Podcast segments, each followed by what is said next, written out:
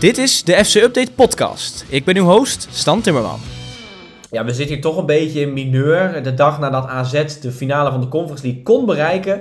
Uh, Fiorentina die in minuut 130 wel de finale bereikt. Mourinho die het weer flikt. En wie wordt de kampioen van de keukenkampioen-divisie? We hebben een uh, gevulde aflevering vandaag met de ondergetekende en uh, Dominique Moster. Dominique, goedemorgen. Goedemorgen Stan. Ja, vrijdag 19 mei. toch wel eventjes een aantal dagen daarna, maar het kan niet achterblijven. Ik moet jou toch als Feyenoord even feliciteren met jullie kampioenschap. Dus bij deze. Hartstikke bedankt. Hoe heb jij het kampioenschap gevierd? Aan het werk? Of, Ja, saai, maar ik heb het niet kunnen vieren. Ik heb op zondag van de wedstrijd, van de kampioenswedstrijd heb ik gewoon moeten werken. En die maandag daarop ook met de huldiging. Dus ik heb het vanuit huis gevierd. Ik heb alles meegekregen via tv. Mooie artikelen van gemaakt. Maar ik heb helaas niet op de crossing al kunnen staan. Nee, oké. Je hebt het inderdaad goed meegekregen. Je had natuurlijk ook wel gehoopt dat Feyenoord deze week nog een Europees potje zou spelen uh, tegen Bayer Leverkusen. Maar dat zat er helaas niet in. Nee, maar dat was ook niet Nee, daar ben ik niet echt meer mee bezig. Die wedstrijd tegen Roma, die hebben we verloren. Het is gegaan hoe het is gegaan. Je hebt het een plekje gegeven. Ik heb het een plekje en, gegeven. Waar ik eigenlijk wel meer mee zit, is nog die verloren halve finale tegen Ajax. Omdat ik het gevoel had dat daar echt veel meer in zat. En dat we eigenlijk die, die dubbel hadden moeten winnen. En de wedstrijd tegen Roma, ja, over twee wedstrijden zijn we gewoon de mindere geweest. Dat moet je ook gewoon inzien. Ja, nou goed, helaas is AZ uh, tegen West Ham ook over twee wedstrijden de mindere geweest. Die hebben natuurlijk gisteren uh, met 0-1 verloren door een doelpunt van Pablo Fornals, de invaller. Ja, lage schuiver in de allerlaatste minuut. Ja, echt best wel sneu om op deze manier zo... Ik zou niet zeggen roemloos, maar het ging bijna als een nachtkaars uit uh, voor AZ. Ja, vind ik een goede omschrijving. Uh, de wedstrijd ging als een nachtkaars uit en dan de gebeurtenissen na afloop die werpen ook een uh, flinke schaduw over deze avond. Maar ik moet wel zeggen, als je naar de wedstrijd kijkt, vind ik 0-1 helemaal geen gekke uitslag. AZ heeft opnieuw niks gecreëerd, net zoals vorige week. En West Ham had eigenlijk wel een aantal goede kansen. En dan maken ze er eentje in de, in de counter, omdat je te veel risico neemt. Ja, dat is, dat is het risico van het vak. Ik vind het logisch dat AZ voor de winst ging. En ja, ik vind ook 0-1 ook helemaal geen gekke uitslag. Nee, het was wel na twee minuten had, had AZ toch al wel een kansje met uh, Klaasie die een dieptebal gaf op Carlson. Dat was dan wel buitenspel, maar dat liet wel zien dat er een stukje dreiging was vanaf, vanaf AZ. Ja, ze moesten ook wel. Maar als je kijkt, wat waren nou echt goede kansen? De beste kans gisteren was uh, het moment dat uh, Kerer, Tilo Kerer bijna in zijn eigen doel schoot. Ja, het feit dat je daar nog van moet hebben, dat ja, is dat ook wel weer sneu. Ja, dat, dat precies wat ik bedoel. Dat was het gevaarlijkste moment van AZ en dat was volledig, ja... Uh, Daar hebben ze altijd niks mee had, had niks, uh, niks moeten zijn. Zeg nee, nee, exact. Nee. Nou, je had verder nog pakketten die op de paal schoot namens West Ham. Dan na een uur, Pavlidis die naar de grond wordt gehaald. Wel of geen strafschop. was een beetje een 50-50. Wat vond jij? Ik vond het niet 50-50. Ik vond het meer 20-80 naar geen strafschop. Oké. Ja, ik, er was inderdaad contact, maar ik vind het wel een gevalletje. Voetbal is contact. Ik heb de beelden vanuit meerdere hoeken bekeken en ik kon nou niet echt zien dat er echt sprake was van een overtreding. Dus nee, hij, hij werd wel natuurlijk, want Pavlidis is niet iemand die zomaar gaat liggen.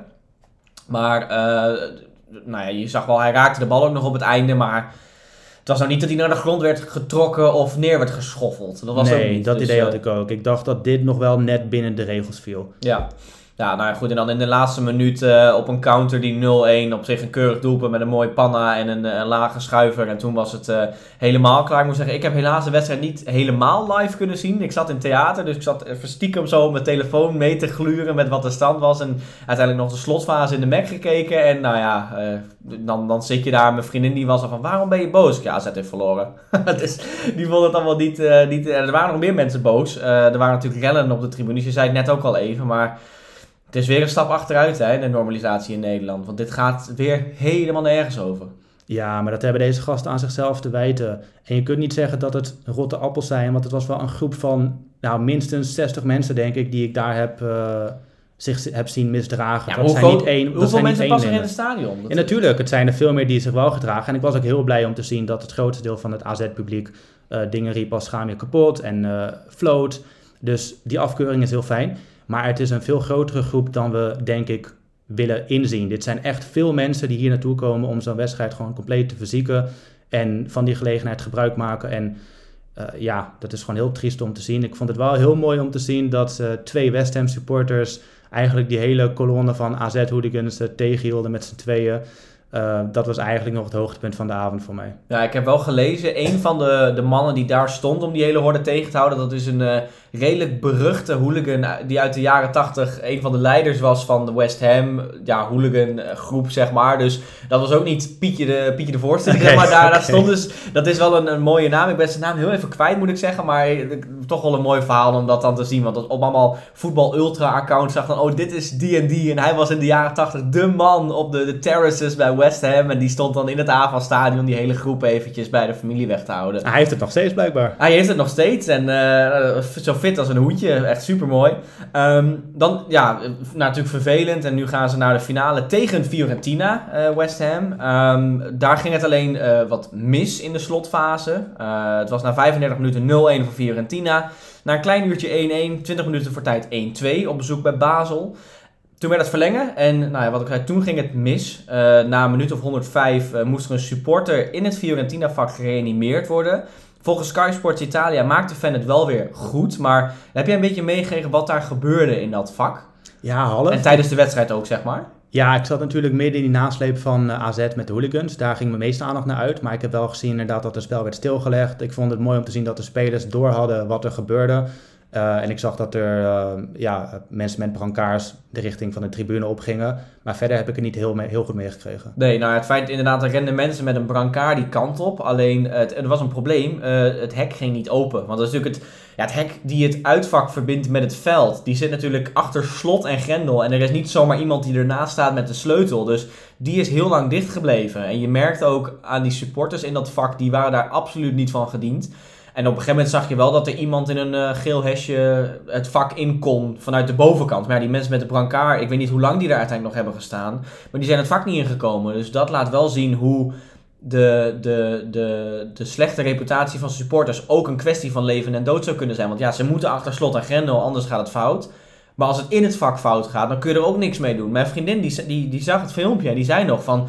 Maar, want zij heeft niet zo heel veel met voetbal, dus die snapt niet helemaal waarom die dan als dier in een kooi zit. Maar zegt, ze kunnen daar toch mensen niet opsluiten? Ik zeg, ja, ja, dat, ja, dat is eigenlijk wel wat er gebeurt. En nou ja, nu zie je maar dat dat heel gevaarlijk kan zijn. Ja, laten we blij zijn dat het in dit geval geen kwestie van leven of dood was, want hij, heeft het hij maakt het goed. Maar dit is inderdaad een, een nadeel waar je eigenlijk niet zo snel bij stilstaat en waar je nu mee wordt geconfronteerd.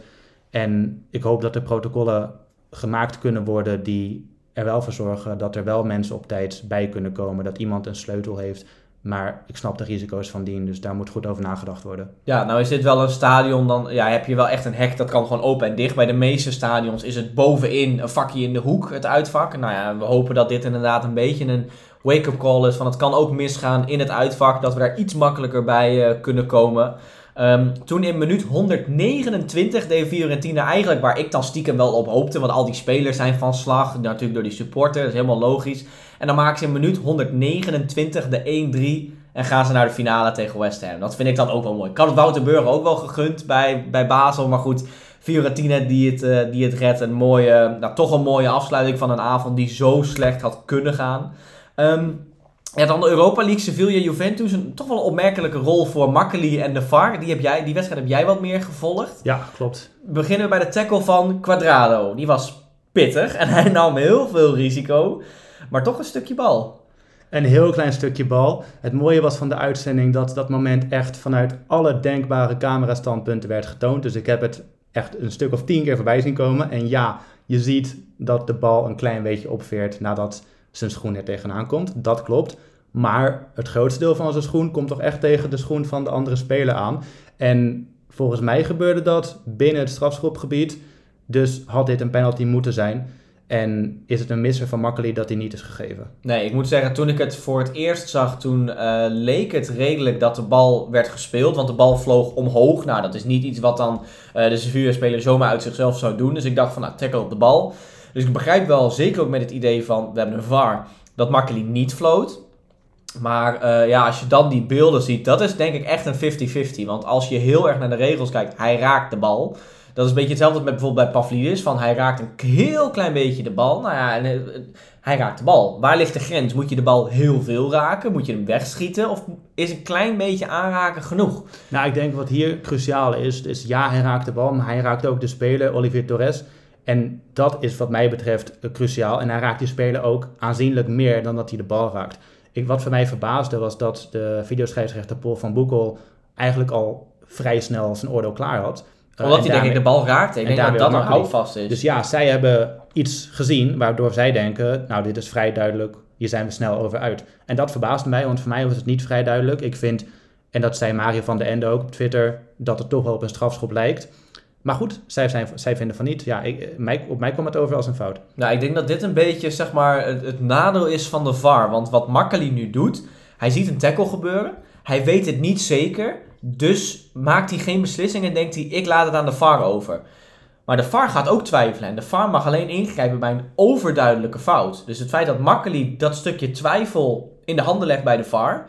En de VAR niet wil ingrijpen, want het is niet overduidelijk. Dus dan krijg je een soort grijs gebied van... Makkeli wil niet ingrijpen en de VAR mag niet ingrijpen. En daar hoort deze tackle denk ik ook bij. En dat is denk ik het grote nadeel van de VAR op zo'n moment. Ja, ik snap wat je bedoelt. Ik denk dat de VAR in zijn algemeenheid een grote aanwinst voor het voetbal is. Uh, dit soort uh, neveneffecten, ja, dat zul je krijgen. En dat is ook menselijk inderdaad. Beslissingen afschuiven, geen knopen kunnen doorhakken. En ik zeg niet dat dat hier per se is gebeurd, maar dat is menselijk. We hebben daar scheidsrechters ook wel eens over gehoord. Die aangeven van ja, het is een mindfuck als je daar voor die, als je daar voor die camerabeelden staat, voor die, voor die monitor staat. En daar kunnen wij ons misschien ook niet echt een voorstelling bij maken. Want wij kijken vanaf de, ja, naar de tv. We zien het eigenlijk op ons dode gemakje. En er staan niet 40.000 mensen in onze nek te hijgen om wat we doen. Dus ik snap dat dat een stukje menselijkheid is waar ook rekening mee gehouden moet worden. En ja, ik ben vooral blij voor Team Makkeli dat het niet cruciaal is gebleken en dat Sevilla toch door is gegaan. Want anders waren de rapen wel gaar. En um, ja, ik denk nog steeds dat het een penalty was. En eigenlijk was dat voor mij vrij duidelijk. Dus ook al heb je inderdaad dat probleem van scheidsrechters die, het op elkaar afschuiven, dan nog vind ik dat iemand hier de knop had moeten doorhakken en zeggen, nou, Makkeli, ga even kijken, want dit is volgens mij een penalty. Ja. In ieder geval, ga even kijken. Ja, dus ligt dan zeg maar nu de fout bij Makkeli van die moet eerder beslissen, dit is een penalty? Of is het fout dat hij het niet heeft gezien? Of Ik vind had het de fout- hier echt moeten ingrijpen? Wie, wie is hier zeg maar, Ja, wie, Van wie moet, waar moeten we nou naartoe wijzen? Van Boekel, want hij kan nog altijd zeggen, hey Danny, dit is een grensgeval, ga kijken. Ja, dat is waar. Dat is waar. en dat is, had, eh, dat, had, ja. dat had in mijn optiek gemoeten. Dus hij heeft niet... Hij hoeft niet per se te zeggen, dit is een strafschop, maar hij kan wel zeggen, ga het even nog een keer bekijken. Ja, en ik weet dus niet precies wat daar de regels van zijn. Van mag hij hem naar de kant roepen om even te kijken, want hij twijfelt. Dat mag, als het een eh, potentiële penalty is. En dat is eigenlijk waar het hier om gaat. Ja, nou ja, goed. Ik hoop dat ze het... eh, we zullen het doorgeven aan Makkeli en zijn kameraden. En laten we hopen dat het de laatste keer zal zijn. En Ehm, dat je nog die en- Ja, inderdaad. ja. Dat was in de, in de verlenging. vol- Was dat in de verlenging? de ja, verlenging. toen stond Sevilla al met 2-1 voor. Dus op een stand om door te gaan naar de finale. Ehm Acuna die kwam op een gegeven moment in discussie met oud-Ajax-ziet eh Goudelje. Van hij wilde naar achter gooien, maar dat mocht niet. Dus toen werden ze een beetje boos op elkaar. En dat duurde zo lang dat Makkeli geel gaf. Nou, niet heel raar op zich, want nou, tijdrekken zag er ook best wel knullig uit. En toen kreeg Acuna geel. Ehm, maar Makkeli die schreef het op en die wilde eigenlijk doorgaan. Toen kwam Paredes naar hem toe en die zei: Joh, wat is dit? Hij heeft al geel. Dus even zijn Argentijnse teamgenoot een kaart aan. Nou, ja, toen kreeg Acuna dus een tweede gele kaart, dus rood, voor het tijdrekken.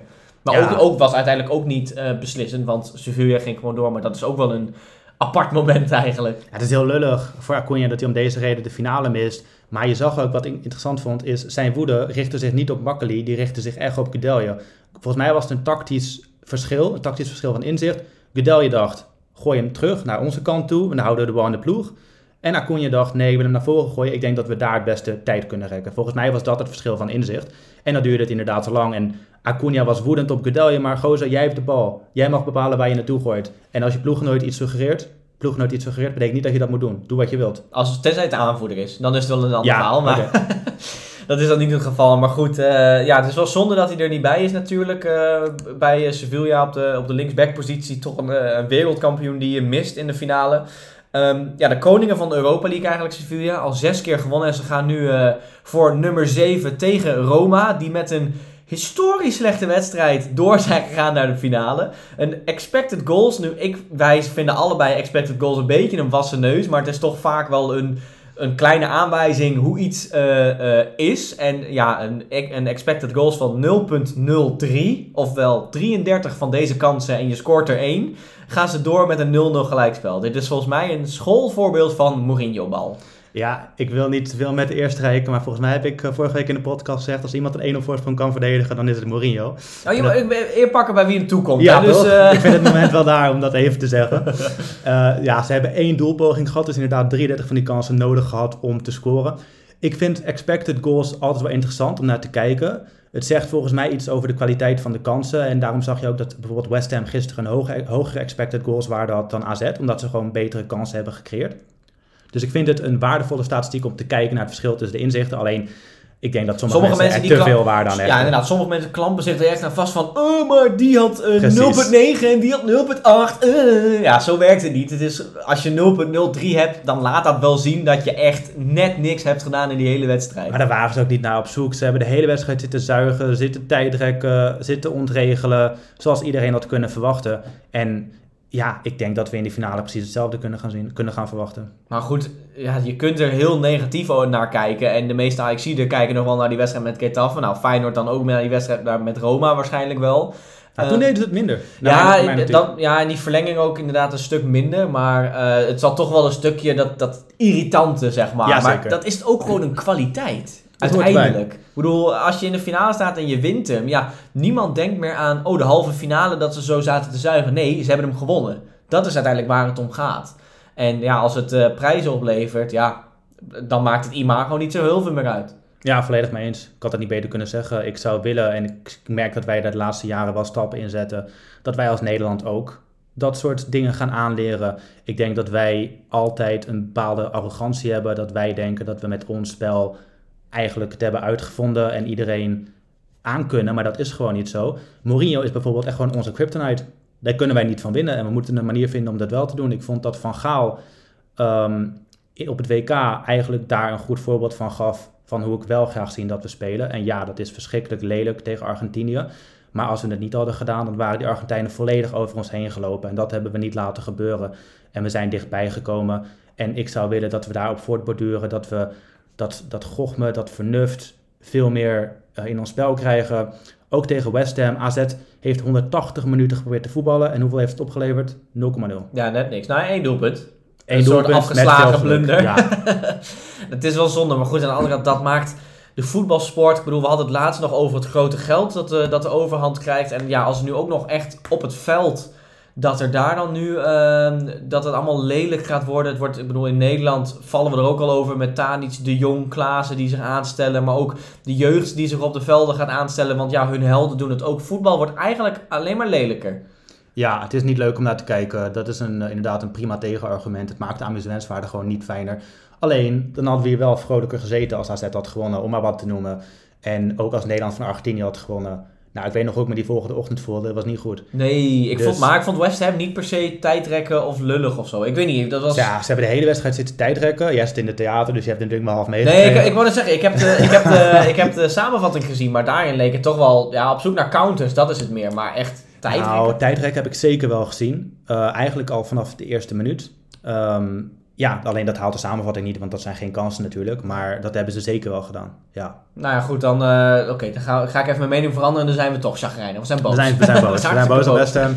Maar goed, zoals ik zei, ze hebben het verdiend. Eh, over twee wedstrijden waren ze duidelijk beter. Eigenlijk op heel veel fronten. Ik denk dat dat het inderdaad is waar ik naartoe wilde. Van Ja. je, je kunt winnen en doorgaan met irritant voetbal en het wellicht niet verdienen. Maar dat was voor mij in dit geval niet zo. Dat is voor mij weer waar ik, eh, waar ik naartoe wilde. Snap ik. Ehm, maar goed, dus het Italiaanse voetbal zegeviert in Europa. Eh, Fiorentina in de, in de Conference League finale. Roma en bijna Juventus in de Europa League finale. En eh, Inter in de Champions League finale. Dan vind ik het een mooi moment om eigenlijk te beginnen met onze nieuwe rubriek. Quizvraag van Frank. AC Milan en Internationale stonden deze week tegenover elkaar in de halve finale van de Champions League. In het verleden hebben deze twee Italiaanse grootmachten echter ooit een Europees duel verloren van een Nederlandse club die komend seizoen actief is in de keukenkampioen-divisie. De vraag aan jullie, welke twee clubs heb ik het over? Dus even voor de goede orde, Inter en Milan die hebben beide een Europese wedstrijd verloren van een club die volgend seizoen uitkomt in de keukenkampioen-divisie. Dus het zijn er twee. Welke clubs zijn dit? Poeh. ehm, nou ja, je zegt volgend seizoen. Dus dan denk ik dat het een degradant is. Dan denk ik meteen aan Groningen. En er staat me ook wat bij dat Rode JC begin deze eeuw tegen Milan heeft gespeeld. Tegen AC Milan. En toen het net niet heeft gered. Dus dat zouden mijn gokken zijn. Um, Rode JC tegen AC Milan en Groningen tegen Inter. Van Roda Milan qua jaartal zou ik dan zeggen misschien 2002, begin deze eeuw. En Groningen Inter, geen idee. Nou, dan gaan we even naar het antwoord luisteren van Frank. Het goede antwoord is FC Groningen en Rode JC. FC Groningen won in 1983 in het eigen Oosterpark met 2-0 van Inter in de UEFA Cup door doelpunten van Erwin Koeman en Van Die Amat. AC Milan verloor op haar beurt in 2002 van Rode JC door een doelpunt van Mark Luipers. Nou goed, het laat toch wel wat zien uh, dat jouw uh, voetbalkennis echt wel uh, op de goede plek zit. van harte gefeliciteerd. Je wint alleen nu even niks, maar je wint de credits van Frank. Dan gaan we even verder. Twee grootheden die zijn gestopt. Siem de Jong en Maarten Stekelenburg die op dezelfde dag aangeven te stoppen. Stekelenburg natuurlijk ja, de laatste uit het finale team van het WK 2010. Toch wel een, een einde van een prachtige periode. En ook in je hoofd dat je nu misschien die WK-finale weg kunt stoppen en kunt afsluiten. Want ze zijn er allemaal mee gekapt. Ja, nou ik moet heel eerlijk zeggen, voor mijn gevoel waren in ieder geval, was in ieder geval Stekelenburg al een tijdje mee gestopt. Hij zat op de bank, je zag hem eigenlijk amper ook niet in de media. Dus het voelde ook niet alsof hij nog heel actief voetbalde. Maar dat WK van 2010, dat, uh, ja, dat is toch een momentje dat we nu afsluiten. En die redding op KK, die zal me altijd bijblijven. Ja, ik wilde ja. inderdaad net vragen van, wat, wat is jouw mooiste herinnering aan uh, Maarten Stekelenburg? Ja, toch dat. En op dat moment ik was toen 13 jaar, dus neem het met een korreltje zout. Maar dacht ik, nou, dit is de beste keeper ter wereld. Deze man gaat een gigantische carrière tegemoet. En dat, dat kunnen ook alleen 13-jarigen zeggen, denk ik. Ja, ja ik, was, ik was helemaal uh, verliefd op een Nederlands elftal. Dus ja, dan ga je een beetje domme dingen uitslaan. Maar hij, hij, hij keepte gewoon ontzettend goed op dat toernooi. En dat is er eigenlijk nooit van gekomen. Maar wat mij vooral bijstaat als ik denk aan Stekelenburg is stabiliteit. Um, kan jij je bijvoorbeeld één blunder herinneren die hij heeft begaan in zijn carrière? Ja, dat is wel, die, die had ik, dat als het zo is, dan had ik het moeten weten. Maar ik kan me niet zo gauw. Want je hebt genoeg keepers, bijvoorbeeld met een Onana of een Sillis die keer. Maar echt, ik kan bij Stekelenburg inderdaad. Nou, ook, is dat ook iets voor mijn tijd natuurlijk. Want hij kwam dan wel in 2020 weer terug bij Ajax. Uh, waar, ja, hij heeft inmiddels maar voor mij een handjevol wedstrijden gespeeld, een stuk of tien. Um, en daarvoor was het 2011. Nou goed, toen was ik 10, 11. Dus ik kan me niet echt iets herinneren, maar dat kan ook komen dat het een beetje voor mijn tijd is. Uh, hij neemt zondag afscheid van Ajax. Um, ik heb wel even gecheckt. Hij heeft evenveel wedstrijden als Edwin van der Sar op papier. Allebei 311. Um, ehm, denk je dat Heitinga hem nog een minuutje zou gunnen om dan over Van der Sar heen te gaan? Of denk je dat Van der Sar hem even hebt... Als je dat doet, krijg je volgend jaar geen nieuw contract.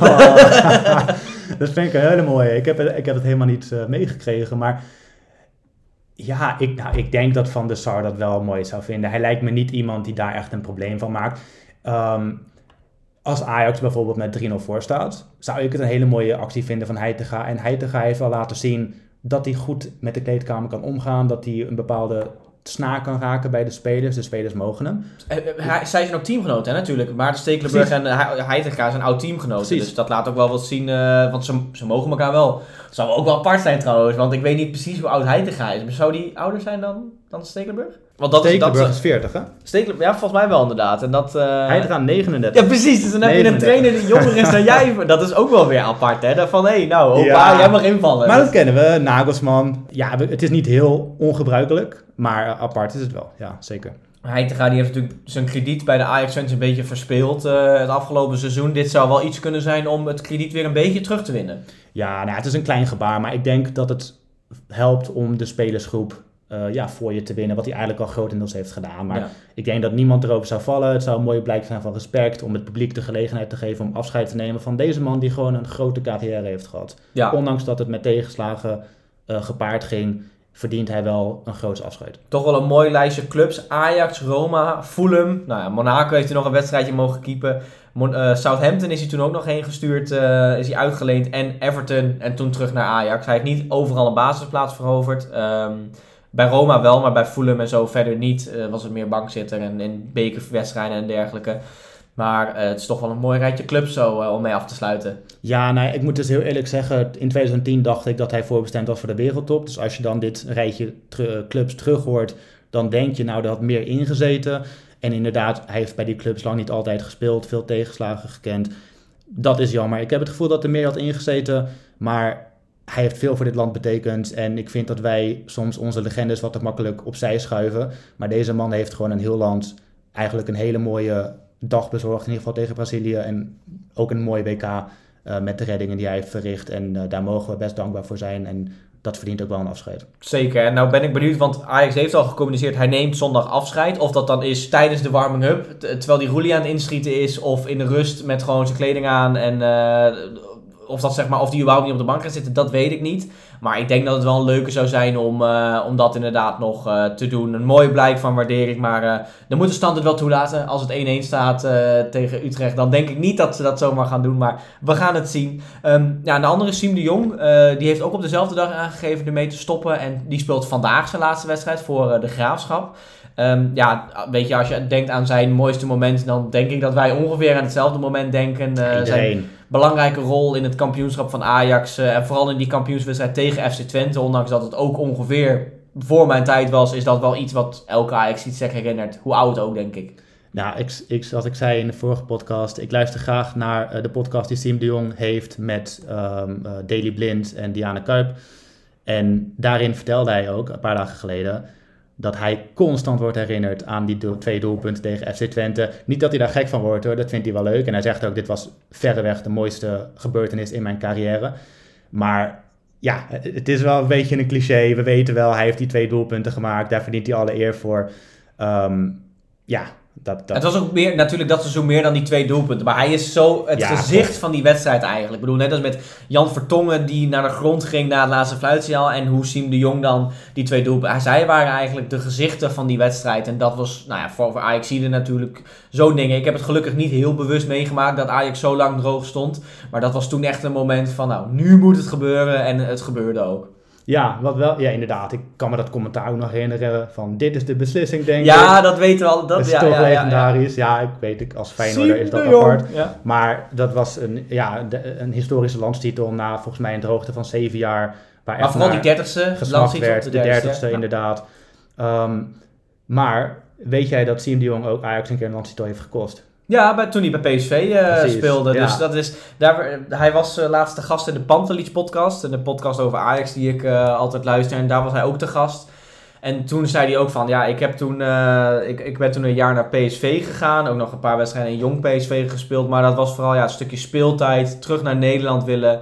En ja, het feit dat hij dan bij PSV zit, ja, de meeste Ajaxiden denk ik niet dat ze dat heel erg kwalijk gaan nemen. En... Ja, volgens mij wilde hij eerst naar Ajax en Ajax had het niet nodig. Nee, dat klopt. Dat klopt. En, maar goed, dat laat ik wel zien. Inderdaad, het is wel echt een ajax want hij kwam natuurlijk daarna nog weer uh, terug naar Ajax. Um, ja, goed. Uh, ik denk niet dat iedereen dat kwalijk neemt. Dat denk ik niet. Nee, dat verwacht ik ook niet. Ik denk dat hij ook gewoon een... Uh, ja, ik weet niet of Ajax hem gaat uitnodigen, maar het zou in ieder geval mooi zijn als hij een bepaald vorm van afscheid krijgt. Lijkt bij de graafschap. Maar wie weet ja, ik vind het wel in ieder geval een icoon van een aantal jaar. Ja, zeker. En natuurlijk nog met uitstapjes naar Newcastle, naar Sydney FC, FC Cincinnati. Toch wel een, uh, een mooi rondje om de wereld heen gemaakt.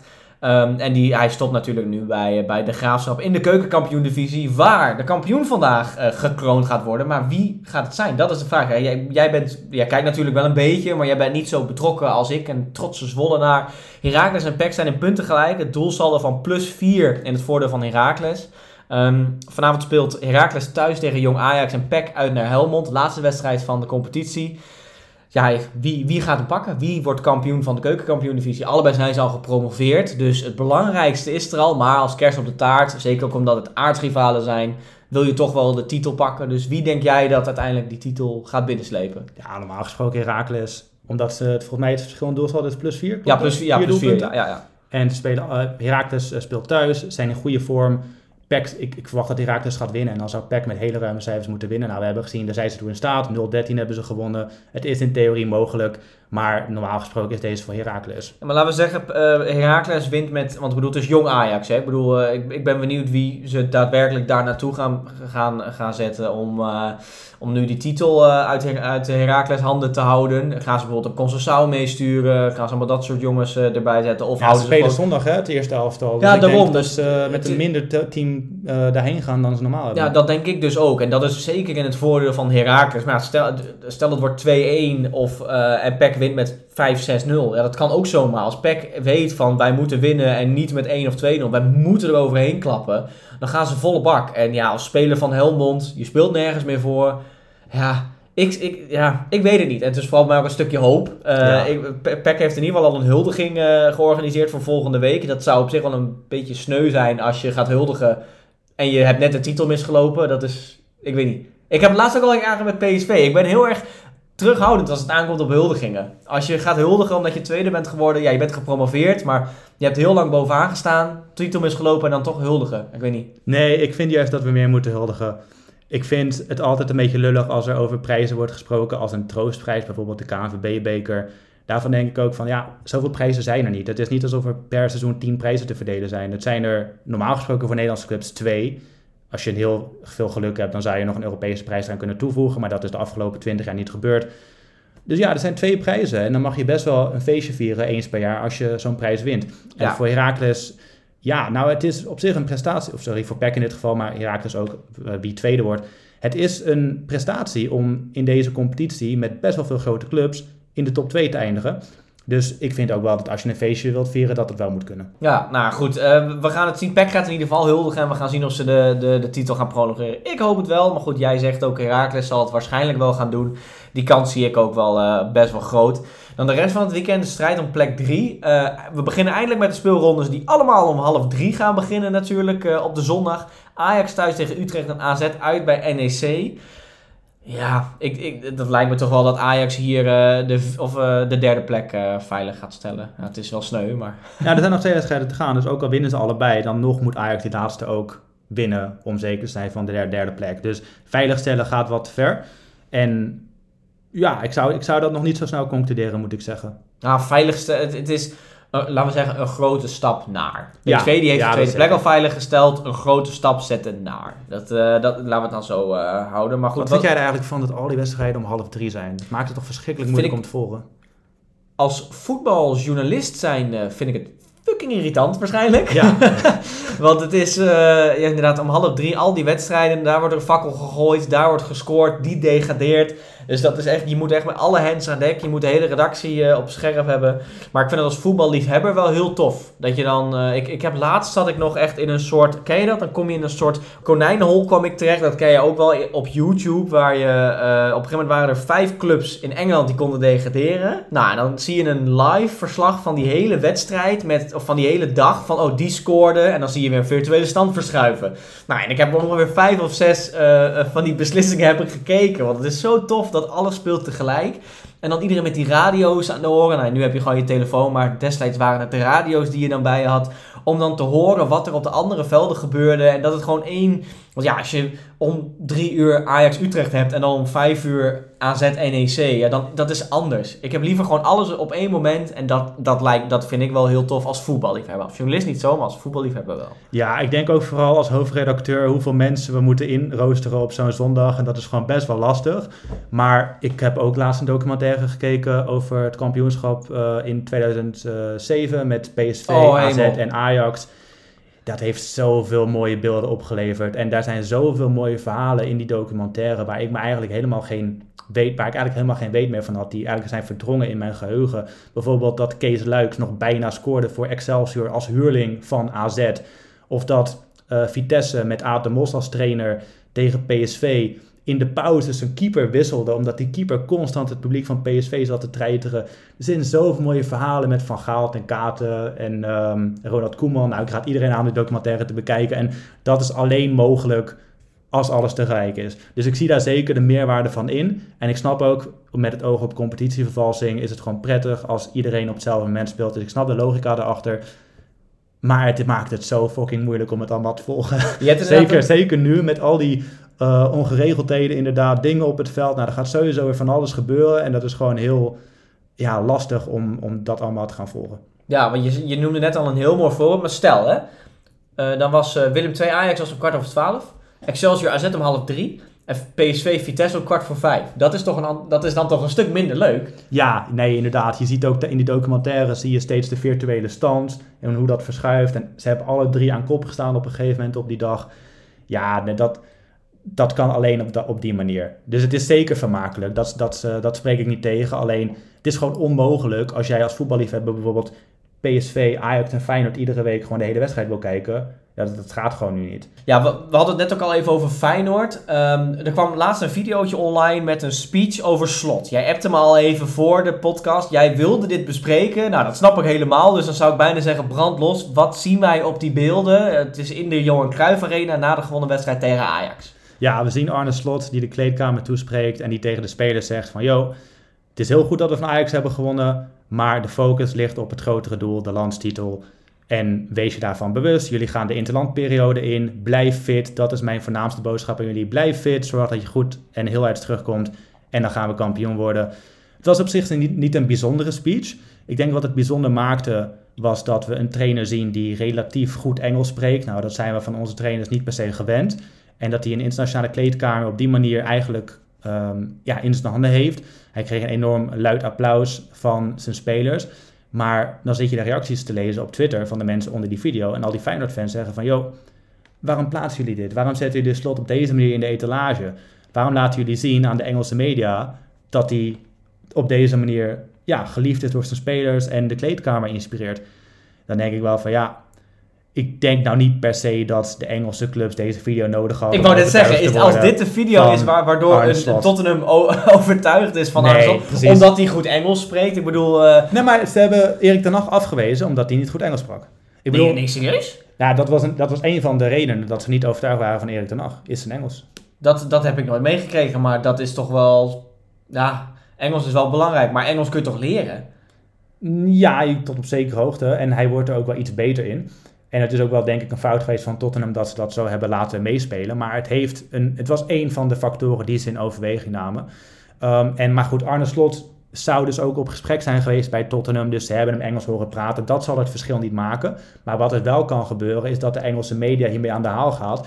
En dat er dan een soort sfeer ontstaat van... hé, hey, deze Arne Slot die heeft het goed voor elkaar. Want je moet beseffen, de mensen in Engeland... die kijken niet elke week naar Feyenoord. Die krijgen heel misschien af en toe wat mee... van een of andere kale trainer die het wel aardig doet. En als ze dan zo'n video zien, dan brengt dat het wel tot leven. Ja, dus je denkt dan dat zeg maar, de, de publieke opinie heel erg gaat schuiven naar Tottenham-fans willen slot of Brighton-fans, wie dan ook. Daar zou Die willen slot zorgen. hebben door zo'n video, omdat hij goed Engels spreekt en daar als een charismatische eh, alfa voor de groep staat en iedereen zeg maar mooi toespreekt. Ja, dat moet je niet onderschatten. Die beeldvorming kan zeker, mee, kan zeker eh, tot stand komen, absoluut. Nou, nou ja, we gaan het zien. Chris Woert zegt dat hij blijft. Nou, jij hebt geen hoge pet op van hem. Eh, denk je dat hij blijft of denk je dat Feyenoord gaat zwichten voor het grote geld? Nou, ik denk niet dat Feyenoord hem zozeer zal laten gaan voor het geld. Ze hebben nu die Champions League inkomsten, die 7 miljoen euro die slot zou kosten, die kunnen ze op zich wel missen. Daar zullen ze het niet voor doen. Het zou alleen een probleem worden als slot zelf op een vertrek gaat aansturen. Dan heeft Feyenoord op een gegeven moment geen keuze. Ik denk dat, zoals de situatie op dit moment is, dat het waarschijnlijk is dat hij blijft. Tottenham heeft drie kandidaten onder wie slot. Dus ik weet niet hoe groot de kans is dat ieder van die kan- kandidaten eh, wordt aangesteld. Nagelsman en eh. Xabi Alonso zijn dit dan, hè? Nee, dit waren andere. Dit zijn, de, Zijn het dan weer eh, nieuwe? zijn de trainer van Celtic en de trainer van Sporting. Die volgens Fabrizio Romano samen met Arne Slot op de lijst staan. Dus hij is een van de kandidaten. En ik denk dat Arne Slot niet voor een club als Leeds United gaat settelen. Ik denk echt dat hij hoog inzet. Dus dat een club als Tottenham het zou moeten worden. Hij heeft aangegeven de Premier League is mijn droomcompetitie. En ik denk dat hij intelligent genoeg is om te weten dat je het ijzer moet smeden als het heet is. Dus als stel dat hij inderdaad gewoon wordt gevraagd door Tottenham: wil, wil jij ons trainer worden?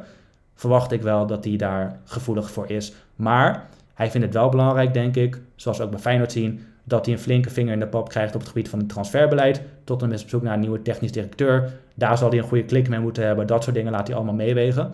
Maar mocht dat allemaal goed zitten, dan verwacht ik dat hij gaat. En zo niet, dan denk ik dat hij denkt van nou, ik zit hier prima bij Feyenoord. Ik voel me op mijn plek, ik word op handen gedragen. Ik heb vertrouwen in mijn eigen kwaliteit om er een mooi, seizoen van te maken. En het komt wel. Ja, Tottenham is natuurlijk ook nog... Nou ja, Champions League voetbal zit er sowieso niet meer in. Het is nog maar net de vraag of zij überhaupt Conference League gaan halen. Want het is natuurlijk heel spannend daar, ook met Aston Villa en, en Tottenham. Wie dat allemaal gaat halen. Dus zou jij denken dat, dat Arne Slot liever met Tottenham de Conference League... of zelfs helemaal geen Europees voetbal speelt... dan dat hij met Feyenoord de Champions League ingaat? Dat denk ik wel. Ik denk dat wij in Nederland overschatten hoe belangrijk Europees voetbal is. wij vinden het heel wat voorstellen omdat wij niet zo'n grote competitie hebben. Maar in Engeland is de Premier League het enige wat het doet. En verder de Champions League. Dus ja, als jij in de Premier League zit, dan opent dat zoveel deuren voor een trainer. Daar komt zoveel meer geld bij kijken, meer mogelijkheden. En dan speel je een jaar geen Europees. Nou ja, dat overleeft hij wel. Maar het is voor een trainer een gigantische kans op je om, je op een veel groter podium te ontwikkelen. En dat wil, wil eigenlijk bijna ieder mens wel, zou ik denken. Dus ook Arne Slot. Ja, we moeten wel langzaam richting de afronding gaan. Dan uh, denk je dat uh, Slot veel spelers van, van Top Feyenoord mee zou nemen als hij naar een Tottenham of een Brighton of wat dan ook zou gaan? Ik denk wel dat hij vaak in een bekende vijver vist. Hij heeft bijvoorbeeld Thomas van der Belt naar Feyenoord gehaald. Die kent hij van Feyenoord. Hij heeft Idrissi naar Feyenoord gehaald. Kent hij van oh, sorry, Pek, kent hij van ja, Peck. ja, ja. Idrissi naar Feyenoord gehaald. Kent hij van AZ, ja, handbaks, et cetera. Dus hij is wel een trainer die op die manier uh, spelers werft. Ja, daar moet Feyenoord rekening mee houden. Ik denk dat hij gaat kijken, als hij naar zijn selectie gaat kijken waar hebben we behoefte aan spelers en wie ken ik die in dat plaatje zouden passen. Dus dat kan een speler van Feyenoord zijn, maar dat kan ook een speler zijn die die uit een ander verleden kent. Ja, uh, een andere trainer die graag in een bekende vijf fit is Erik ten Hag. Um, een aantal jaar geleden, toen Erik ten Hag uh, vertrok bij Ajax, toen zei Brian Brobby op een persconferentie, een beetje geinig, maar toen zei hij dit. Oh, ik ben heel blij voor hem. Het is een hele goede stap. Uh, hij verdient het ook echt, wat hij allemaal heeft gepresteerd bij Ajax. Dus uh, ja, ik ben blij voor hem. Als hij me over twee jaartjes meeneemt. Ja, dat lijkt nu volgens een aantal geruchten toch een beetje richting de werkelijkheid te gaan. Uh, Ten Hag die heeft uh, Brian Brobby op plek 3 gezet op zijn lijstje achter Kane en Osimhen. Um, denk jij dat Brobby een toevoeging zou zijn voor United? Want op dit moment kan hij niet heel veel potten breken bij Ajax, dus laat staan bij United. Nou ja, je kunt hem niet op een lijstje zetten met Kane en Osimhen. Dat is met alle... Nee, dat, dat sowieso al. Maar ja. goed, het lijstje transferdoelen, nou, dat hij dan uiteindelijk als derde optie daar nee, staat. Ik. Niet heel gek, maar die moet je natuurlijk niet met elkaar gaan vergelijken. Er is een reden dat hij op plek 3 staat op dat lijstje natuurlijk. Maar dat is wat ik bedoel. Wat ik bedoel is dat als Kane je eerste keuze is, dan kun je niet uitkomen bij Brian Brobby. Dat, is, dat zijn sowieso twee hele andere types. En Kane is uh, ja, een veelvoud zo goed als uh, Brian Brobby. Dat, dat spreekt voor zich. Dus ik denk dat iedere ploeg wat aan Brobby kan hebben. Dat komt met name omdat hij vrij unieke kwaliteiten met zich meebrengt. Zijn fysieke kracht ja, is relatief ongeëvenaard, denk ik. En komt hem ook aanwaaien. Zeker nu hij veel meer in zichzelf investeert, uh, zoals hij aangeeft. Kan dat echt wel een, een vrij unieke speler worden. Je hebt ook in het verleden gezien bij Ajax in de Europa League dat als hij invalt, dat, er, dat hij vaak wat teweeg brengt. Dus ja, op die manier kan hij wat uh, teweeg brengen bij een club, kan hij wat toevoegen aan een club. Maar voor de basis zie ik, dat, zie ik daar geen United-speler in. Dus ik zou niet aan Ten Hag aanraden om, als het niet lukt bij Osimhen en Kane, om dan bij Ajax te gaan aankloppen. Nee, hij moet het natuurlijk in Nederland hebben van zijn fysieke kracht. Dat is wat in, in Engeland, dat hebben we ook gezien bij West Ham uh, natuurlijk, redelijk recent dan, ja, hij moet het van zijn fysieke kracht hebben, maar is hij ook sterk genoeg om dan in de Premier League dat te gaan doen? Hij is toch veel is te licht, hou op. Nee joh. Ah, te licht als in niet goed genoeg voor de Premier League, hou op. Ja, nou hij heeft niet aangetoond dat hij dat niveau aan kan dit seizoen, absoluut niet. Uh, hij heeft denk ik wel aardig wat potentie. Ja, maar hij dat is wat anders, hij heeft potentie. Ja, nee klopt, op dit moment niet. Gaan ze hem bij Young United zetten of zo?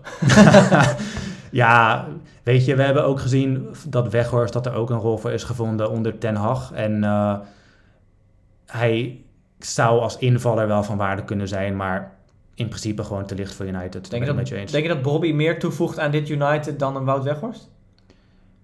Mm, ja. Nou, met de gedachte dat Rashford gewoon op links speelt en uh, op rechts uh, Sancho of Garnacho of Anthony of wie dan ook. Ja, ik vind het lastig, want uh, Weghorst is een type dat Ten Hag inzet als hij wedstrijden wil ontregelen.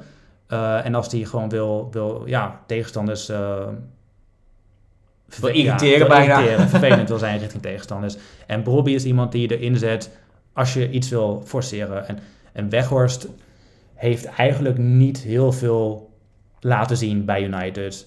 En Bobby heeft die kans nog niet gehad. Wie meer zou toevoegen? Nou, ik denk dat ze andere dingen toevoegen. Dus dat is lastig te zeggen. Maar dus als ik even de streep... Hij zou wel zeker een toevoeging zijn voor United in jouw ogen.